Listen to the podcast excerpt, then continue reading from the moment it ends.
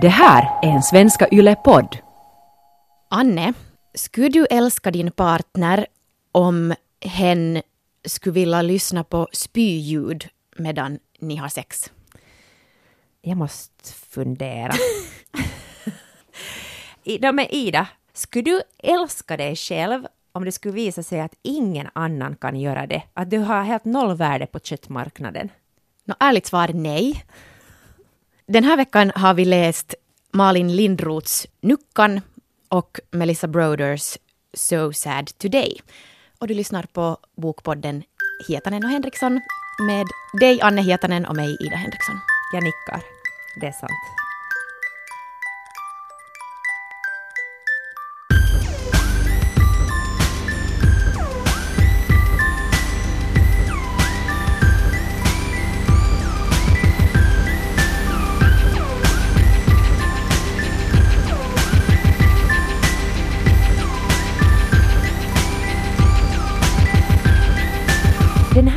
Boken har jag längtat så mycket efter att läsa. Uh, so Sad Today av Melissa Broder. Det här är en, en så kallad snackis. Alla pratar om den och alla verkar ha läst den och alla har en åsikt. Den är så fin, ljusröd och ljusblå med två gråtande ögon. So Sad Today av Melissa Broder. Hon börjar som en anonym twittrare, uh, alltså en amerikansk författare, som först twittrade om sin uh, depression och sina panikstörningar. Och hennes Twitterkonto blev helt superpopulärt. Och nu har hon gett ut en sån här essäsamling, eller den, den tillhör den här, åtminstone i USA och så småningom också i Norden, mer och mer populära eh, genren som i USA kallas för memoirs, men som alltså inte är memoarer utan personliga essäer med betoning på alltså superpersonliga. Eh, och Melissa Broder skriver i den här boken jätte, jätte humoristiskt om jätte, jätte svåra saker såsom depression, ätstörningar, alkohol och drogmissbruk, allt möjligt. Hon skriver extremt personligt. Och, och det är inte så där att det är någonting som hon har, att det är lite snyggt att ha lite psykiska störningar, utan hon har de här helt, att hon lever igenom dem. Så det är, inte, det är inte någon lätt version av någonting, utan hon verkar vara ganska extrem i allt vad hon går igenom. Ja, och hon borrar sig in i de där känslorna och håller, liksom klamrar sig fast vid sin ångest. Samtidigt som hon alltid söker en, en väg ut. Och mycket av det här handlar om hennes försök till att, att kunna leva med sig själv helt enkelt. För det där livsprojektet är helt omöjligt. Bland de finaste grejerna som, som fastnade i min läsning var hennes sätt att beskriva livet eller sig själv som ett tomrum. Att man är bara ett tomrum som man hela tiden försöker fylla med någonting. Vare sig det är mm, sex eller mat eller alkohol eller droger eller någon slags andlighet eller jag tycker det på något sätt beskriver hennes eller vårt liksom liv. Vet du, jag funderar hemskt mycket på det där, att det där tomrummet. Finns det någon som inte har det? Eller nu finns det väl säkert, men det där tomrummet, det är något så enormt. Och jag tror att enda lösningen är på något sätt att börja alltså att vara i det där tomrummet, för det, du får det aldrig fyllt. Har du någon gång haft ditt tomrum helt fullt? Kanske när jag, inte vet jag, när jag just hade fått barn. Men sen så fort det där barnet kom ut så blev det igen tomt, vet du. Ja. Vår producent föreslår att men kanske munkar inte har ett sådant tomrum. Men de fyller ju det sen med Gud. Ja, och de har kanske haft... De måste bli munkar, för att bli munk är ju så extremt. Och all, extrem aktivitet tycker jag är ett svar på det där tomrummet. Nej, nej, Men tror... hur existerar man sen med det där tomrummet? Usch, det är så tråkigt att vara med, gå runt med sitt tomrum. Men jag tycker det är så roligt att prata om det där tomrummet för att det börjar ju då, man börjar känna det kanske redan som ganska liten och sen blir det i tonåren bara större och större och då tror man kanske att man är ganska ensam med det där tomrummet för det syns ju inte, ingen människa kan se den andra människans tomrum, eller oftast inte. Och, det där, och så är man så ensam. Men vet ni, vi är alla, liksom det är så skönt, eller hemskt, hemskt och skönt att vi är alla med det där tomrummet. Jag kommer ihåg att det var någon gång någon sån här kristen predikant som sa att det beviset på att Gud finns är det där tomrummet. Att det är han som har lagt det i dig. Okej, att det där tomrummet är livet. Ja. Och det är också bevi bevis på, på att han finns, att du längtar till honom. Ah.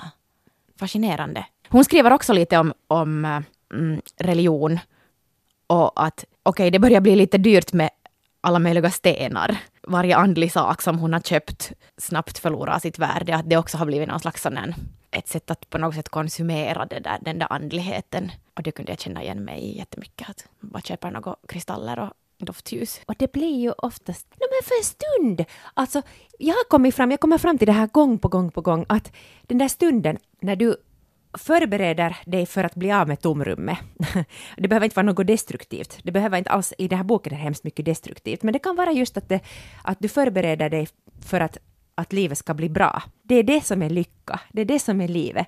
För att sen så blir det inte, babyn kommer ut, du märker att den där stenen, att du är ännu samma person, du kommer aldrig ifrån dig. Så det, den där lilla förväntningen om att hej, men sen kanske, där, det är lyckan. Ja, att man är redan framme istället för att vänta på att snart kommer jag fram. Så då är man redan där. Man är redan där. Fa faktiskt är det nästan, det är ju, jag har aldrig egentligen haft den där resan, usch vad det blir klichéartat, men det där att när man är på väg, det är det som är, det, det, då mår jag bättre än när jag är framme. Jag mår aldrig så dåligt som när jag är framme och har nått ett stort mål. Exakt, då har man ju redan nått det. Okej, okay, väggord. du har redan nått det och sen så märker du att det är ju fortfarande samma människa. Du mår inte alls... All Då måste här, man hitta på något nytt mål. Ja. Och all den här ansträngningen, allt det här. Så, så, det var, jag hörde på den här I säng med Ronja och Taika, svenska Yle-podden. Oj, de är ljuvliga. De är så härliga och de har ju börjat podda nu för Yle.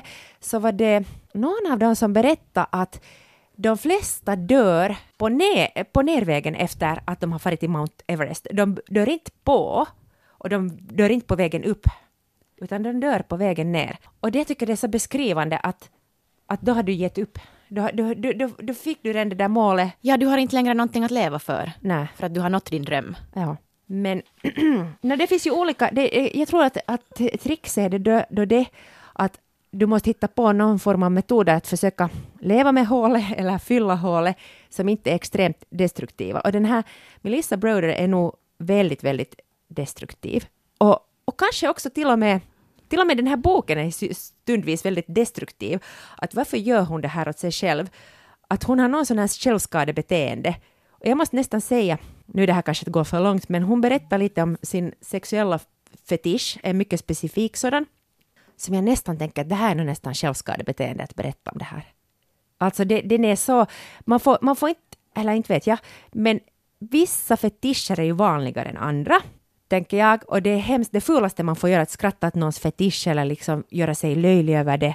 För att det är något så extremt personligt och känsligt. Det är, ja, då är väl människan som mest sårbar när den berättar om sin fetisch. Men hon har nu då berättat hela världen om sin fetisch. Och den är sån att hon blir bara riktigt upphetsad om hon hör någon som spyr samtidigt. Alltså spyljud. Okej, Anne, hur fick det, den här läsningen dig att känna? Klarar du av att läsa Alltså för att jag klarar inte av att läsa det där kapitlet. För jag har sån kräkfobi. Ja, alltså jag tror att det är ganska normalt att man har kräkfobi. Att man tycker, för att det är ju så omåttligt jobbigt för de flesta av oss. Lukten, nu börjar du spy säkert när jag pratar om det här, men, men nej, jag kunde nog läsa det här, jag, för jag, jag är känslig. Om du nu skulle börja spy så skulle jag också börja spy för att jag skulle må så illa på alla ja, sätt. Eller va? Ja, det är så äckligt. Alltså det är ju, för mig är det ju, och säkert många andra då, motsatsen till vad som skulle vara upphetsande. Ja, så, så jag tänkte bara att nej, men hon kan ju ska hon berätta hon det här? Samtidigt så var det lite sådär pirrigt att nu tyckte jag att någon har gått för långt, för jag tycker aldrig nästan att någon går för långt. Jag bara ja, ja, ja, berätta, berätta, berätta mera. Men nu var det mer än vad jag kunde tåla. Och jag läste någon intervju där hon hade supermycket ångest över det också, att, att vad fan, att måste jag nu och att hon hade liksom funderat ända in i det sista, för, dagen före boken skulle gå i tryck, att måste vi ännu stryka det där kapitlet. Men sen hade hon ändå bestämt sig för att hålla fast vid det. Och nu är det ju sjukt modigt och säger kanske också någonting om den här genren, att det krävs mer och mer för att någonting ska chockera eller inte vet, men, men samtidigt inte, inte det är någon sån här chockerings, chockeffekt hon är ute efter. Nej. Utan bara någon slags total ärlighet. Det är total ärlighet och sen så tänker jag alltid att tänk om det, säkert finns det någon annan människa ute i världen som har den här fetischen. Ja, eller någon annan eh, annan fetisch. Äcklig tänkte jag säga. Men som, man, men som, eller, som på något sätt är stigmatiserad eller... Ja, och vet du vad? Det är ju det att hon berättar också att hon är inne på de här spyforumen. Och, så det finns ju massor med människor som håller på med det här. Men alltså... Vad skulle du göra om, Och min partner... om din partner skulle ha en spyfetisch? Nej, vet ni, alltså nej. Jag vet ju, jag... ja, jag skulle hoppas att den här partnern då kanske inte skulle berätta det på dag ett, för då skulle det kanske inte bli någon fortsättning. Ah, Vet du, det här är nog lite svårt. Jag skulle kanske... Jag vet inte hur jag skulle lösa det här. Det beror på hur viktigt det här fetischen är och hur mycket jag tycker om den här partnern. hur skulle du lösa det här? Ja, inte vet jag. Men kanske liksom på den tiden mm, när jag hade bulimi så skulle man ha kunnat kombinera det. Men Det, det kan ju vara sjukt äckligt men det var ganska kort tid för att jag har så äckel för spyor så därför måste jag övergå från bulimi till anorexi för att jag tyckte att det var så äckligt att spy. Men vet du vad? Ja, men det jag, jag har ju bara, jag kunde ju inte ens spy, så jag har ju inte ens haft bul- bulimi. Folk, folk tror ofta att jag har haft det, men jag kunde ju inte ens spy. För det, na. Så, så ja, så att man skulle kombinera det. Men det skulle vara jätte, då skulle ena vara liksom jätteupphetsad och den andra skulle må jätteilla. Är inte oftast så i ett parförhållande? Jag vet inte, men vet ni, jag funderar hemskt mycket på det där att om du nu har det, alla har ju något konstigt, det är ju självklart. Det behöver inte vara en spyfetisch, det kan vara något annat. Så jag tycker inte riktigt att man kan kräva att någon annan människa ska älska en till 100 procent. Eller, ingen människa, så här tror jag att det är, ingen människa kommer någonsin att älska allt med dig, eller älska dig så mycket som du förtjänar att bli förälskad. Att det är nog ditt eget jobb i så fall. Och till och med för en själv är det ju svårt att älska vissa saker. Så, voi voi. Inte, behöver nu någon, inte, inte kan alla andra göra det heller, det går inte. Ja, det behöver inte vara det ultimata beviset på kärlek att man till och med älskar varandras spyfetischer. Nå, nu skulle det ju vara ett bevis på kärlek, men, men det är ganska mycket krävt. Det här är nu bara som, som en illustration, det kan ju vara något annat. Eller kunna åtminstone tillåta den andra att ha dem. Mm. Och det är ju en bra. Kanske man kan ha liksom hörlurar. No, det var nu inte kanske det viktigaste i den här boken, men det som är viktigast är kanske att hon är då lite udda och hon har sina svagheter och brister, men att hon försöker syna dem utan att bli mindre värd. Alltså nu skäms hon, men det är också livet. Att hon bara synar och tittar på allt och ser att hur, han, hur ska hon kunna leva vidare?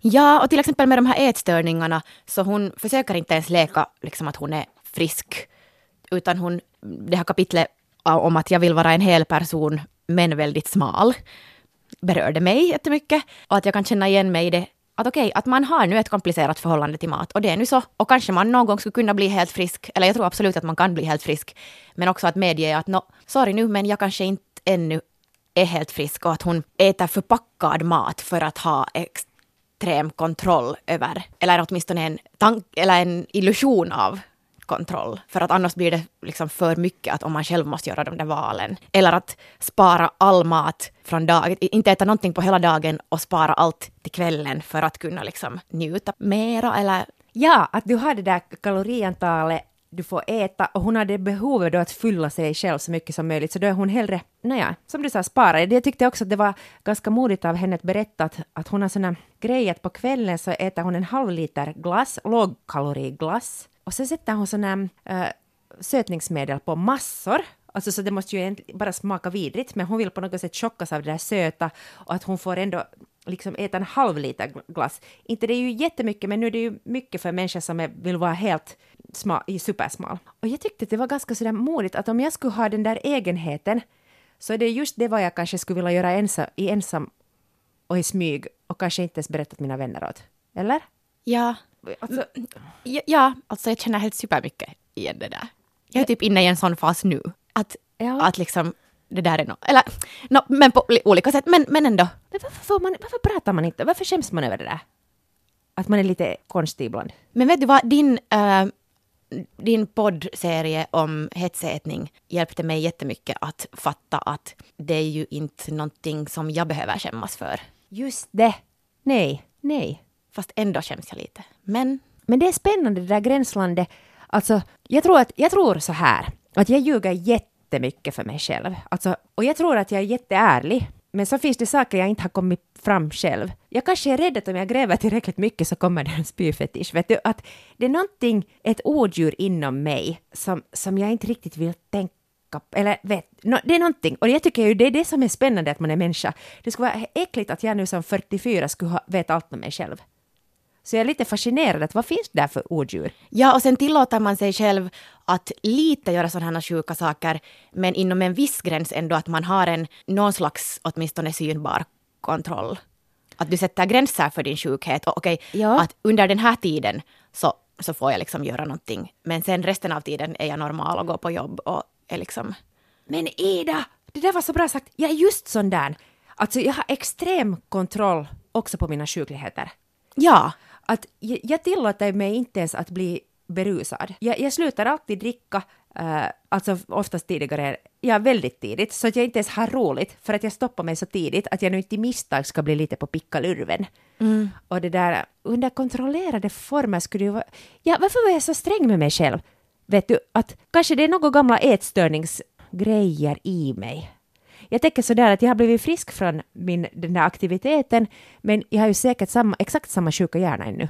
att man är så rädd att det där, sen när man blir helt och hållet det där monstret. Ja. Jag har också sådär att jag liksom hetsäter typ surskorpor. Ja, ja, Eller något ja, sånt som, som inte är farligt. far- ja, som hälsosamt. Eller typ sallad. Ja, och äppel. Ja. Det vet jag att det finns väldigt, väldigt många som hetsäter äppel. Alltså, som, som man kallar det inte ens för hetsätning, utan det är, ja. Men hör du, Ida, alltså så spännande. Jag skulle vilja ha en vecka på, som jag skulle bara vara, men sen vet man inte, kommer man tillbaka sen. Men Men att man skulle, Då dör man nog säkert. men den här Melissa Broder, jag ser att du har antecknat massor, du måste berätta, vad har du nu?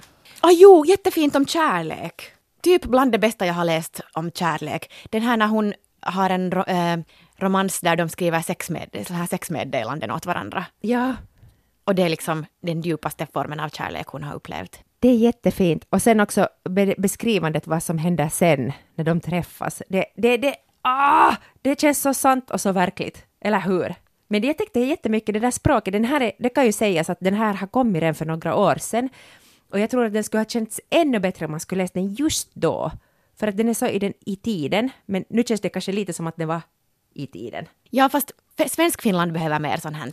Absolut. Och jag är så glad att den finns på svenska. Först tyckte jag sådär att nej men varför läser vi den på svenska? Den, den första, första den här texten tyckte jag var lite dåligt. Det blev lite sådär lattjo lajbans och det blev lite töntigt. Sen så efter det så var det så bra att jag struntade i att det var översättning. Hon har ju nu, faktiskt i dagarna kommer hon på svenska ut med sin första roman i Fiskarnas tecken på svenska. Och det då handlar om en kvinna som har ångest och försöker bli av med den Låter som någonting vi måste läsa. Ja, mycket fint. Alltså man blir helt överlycklig av sådana här böcker. Det är ju liksom grundtema för den här podden också. Ja. Vad, vad tycker du om nästa grundtema? Ofrivillig singelskap. Jag tänker sådär att, att om man har för mycket sjuka fetischer så kanske det leder till det här följande. Eh, Då är det eget fel. Nå nej. nej. Ja, är det eget fel eller inte? Vi ska prata om det. Malin Lindroth har skrivit en essä som heter I nuckans tid. En kort, liten behändig bok. Nej, den heter bara Nuckan. Ah, jo, den heter Nuckan. Den är jätteful. Anyway. Den är... Därför fick jag säga fel namn. Eh, det här är en kvinna då, det här är då självbiografiskt, en kvinna som är 50 plus och hela sitt liv har strävat efter tvåsamhet och att få vara tillsammans med någon, men alltid fått nej. Hon säger att hon har fått 15 gånger nej, aldrig sagt nej själv. Och ingen man vill sällskapa med henne överhuvudtaget. Absolut inte på ett romantiskt plan. Det kan hända att de kan vara hennes vänner, men de vill inte vara med henne. En kort tid har hon varit då tillsammans med någon, men, men annars är hon bara alltid ofrivilligt singel. Och hon skulle på något sätt vilja ta tillbaka det här fula skällsordet nuckan. Nucka, gammelpiga, frigid. Och, och, och ta det tillbaks. Och, och utforska det här utan att skuld och skambelägga sig själv. För att det är ju i dagens samhälle någonting av det värsta. Ensamhet som du inte har valt själv. Det, är- det är ju något otroligt skamligt där. Man tänker sådär att vad är det för fel på denna person som ingen vill vara med? Ja, att vi kan prata om, eh, vad ska man jämföra det med, vad som helst för, som vi just har pratat om. Ja, ja. Men det att bli bortvald är liksom så skamfyllt att jag åtminstone aktivt har försökt liksom motarbeta det hela mitt liv. Det skulle vara det värsta som skulle kunna hända när vi pratar om det här med att, att man ljuger för sig själv, så det här kanske är något som jag skulle kunna ha förträngt. Alltså min livsberättelse är ju det att alla vill ha mig, jag är så underbara och ingen har någonsin sagt nej åt mig. Men det kan bra hända vet du, att någon har gjort det, men att det är så skamligt att jag till och med har förträngt den bort från min berättelse, att jag känner inte ens till att det skulle ha hänt.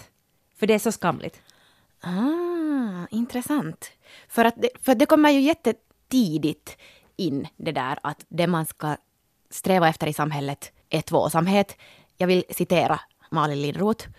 Ännu värre blev det när tvåsamhet presenteras som en naturlag i klass med gravitationen. Det var som om vi fick ett löfte. Inte så mycket av vuxenvärlden som av livet självt. Löftet sa, det finns en för alla. Alla rör sig mot varandra i en stor koreografi. La, la, la, la, la. Det är ju Så här är hemskt. det ju. Jo. Och, och det kommer ju in någon gång redan i, när man är jätteli, ett jättelitet barn.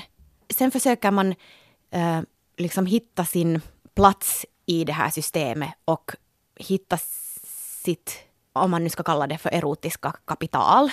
Att när blir man medveten om det? Och är man sen forever fast i den rollen? Jag tror att man oftast fastnar. Att det vad du fick reda på om dig själv och ditt erotiska kapital när du var liten, det håller för resten av livet. Det finns bara en sak som kan omkullkasta det här och det är ett otroligt sånt här mm, kändisskap.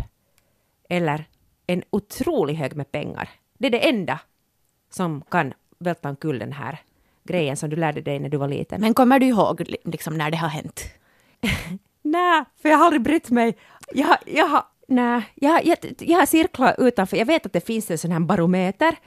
Men jag har varit så i mitt egen universum och så borta från kartan att jag har mitt... Ja, jag har nu plaskat för mig själv, nöjt där och erotisk för mig själv. Alltså jag har inte kunnat bry mig mindre. Vilket är bara, det är bara underligt. Att det Nej, det är bara underbart.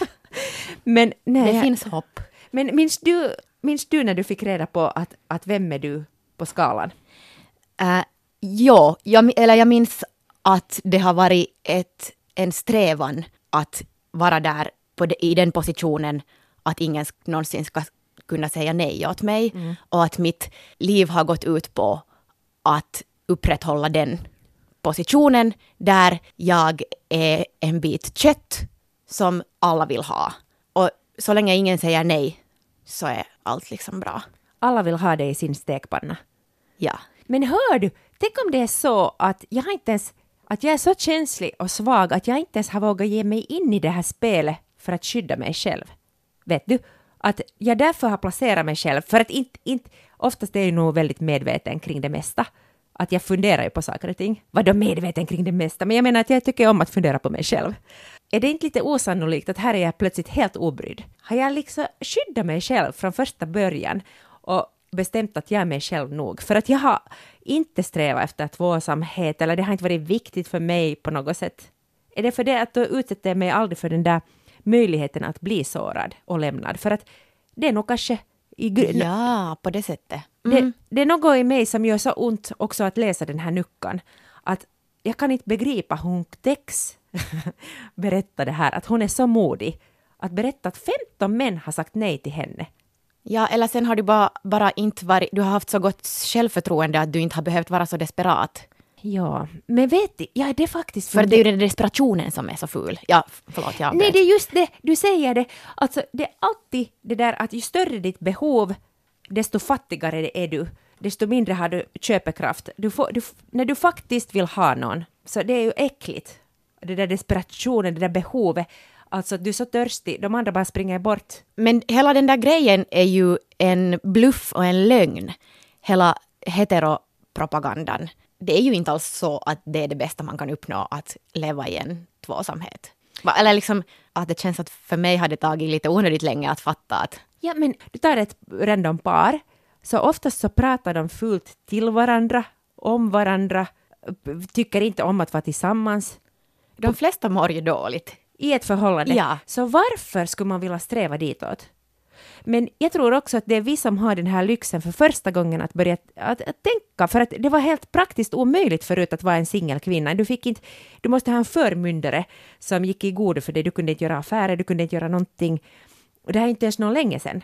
Jag kommer ihåg när jag var liten och e, en äldre kvinnlig släkting som bodde ensam i stan och var sådär kulturell och beläst och berest och självständig och oberoende och cool. Och det här var min dröm.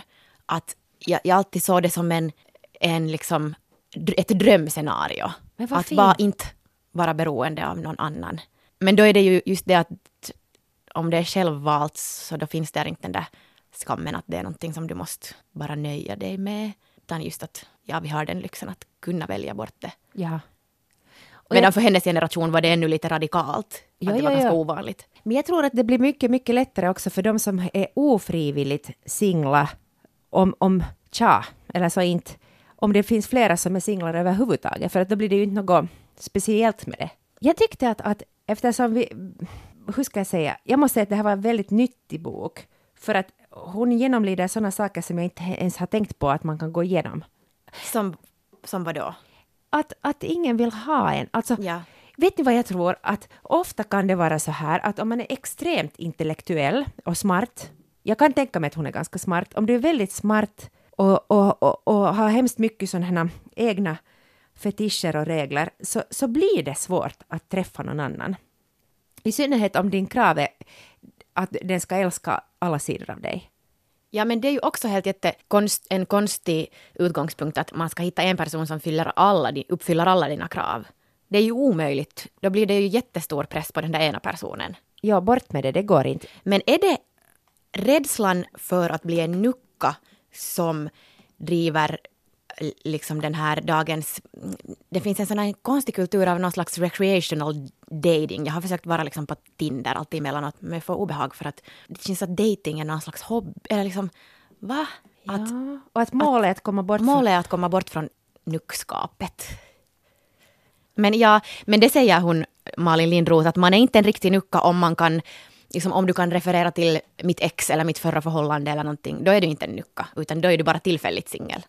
Och för, för hennes del, som Malin Lindroth berättar i boken, då, att hon är utbyteselev i USA och så är det en kvinna som säger åt henne att för det första då att hon har fullt hår och för det andra att hon kommer nog att ha svårt att hitta någon. Och som jag ser det så blir det en sån här självuppfyllande profetia. Hon tar, det gör så ont i henne, hon tar till sig det och hon vet för resten av livet att ingen vill egentligen ha henne. Och så, så är det det hon kommer att utmåla och utstråla överallt. Ja, där bestäms hennes plats i den där hierarkin. Ja, det blev lägst ner. Men man kan ju alltid välta omkull de här grejerna. Fast nu vet jag inte om hon kan mera, för nu är hennes desperation ute på alla sidor. Det är ju också, kan, man kan ju också se det som ett sätt att äh, lägga extremt högt värde på sig själv. Att vara, vara ärlig med alla de här kraven. Eller alla de här förhoppningarna. Att det här kräver jag. Kanske kräver jag för mycket, men mindre kan jag inte kräva. Eller hur är det som Södergran skriver? Ah! Att liksom, Jag kan inte göra, för, göra mig mindre än jag är. Men Ja. det är ju det, det är sant. Hon har säkert, hon har nog sitt eget värde, vet sitt eget värde. nu kan det kanske den coolaste av alla. En mycket intressant bok och jag tycker också att det var fint att man kan, börja, att man kan säga att, att jag är singel och jag vill inte vara det och ingen vill ha mig. Nej, förlåt, nu raljerar jag. Nej, men det, det var ju helt fel. Nej men, nej men basically är det ju det hon säger. Jag tror att hon skulle vara helt en härlig sån där, alltså hon, jag hoppas att hon får träffa någon. Hon skulle ju så mycket att ge. Kan du förstå? Men då skulle det bli helt fel. Då skulle det bli just igen den där, ah, no, men sen slutar det ändå väl i ett liksom monogamt heteroförhållande. Du har rätt! Det, Dun, dun, dun, då skulle liksom, nej, vet då omkastas, omkullkastas inga strukturer. det bästa är om hon då träffar någon och blir förälskad i den och så gifter de sig och hon blir helt galen av lycka. Hela hennes tomrum är fullt. Det finns inget tomrum. Och sen så märker hon att hon hatar det, att det här var hon sökt hela sitt liv, att det är det värsta som kunde hända henne. Och sen, då blir hon sen så olycklig att hon kan inte ens skriva något mera, men om hon skulle kunna skriva så skulle hon sen berätta att hon igen blir en frivillig nucka. Ta-ta-da! Just det. Hej, vi tackar jättemycket för sällskap idag. Roligt att ni har lyssnat. Ida Henriksson och jag, Anne Hietanen, har varit här. Vi kommer varje vecka med ett nytt avsnitt. Och uh, vår producent heter Sebastian Bergholm. Gingen har gjorts av Henrik Heselius. Och våra snygga poddbilder som har väckt debatt ute i svensk Finland är tagna av Björn Karlsson.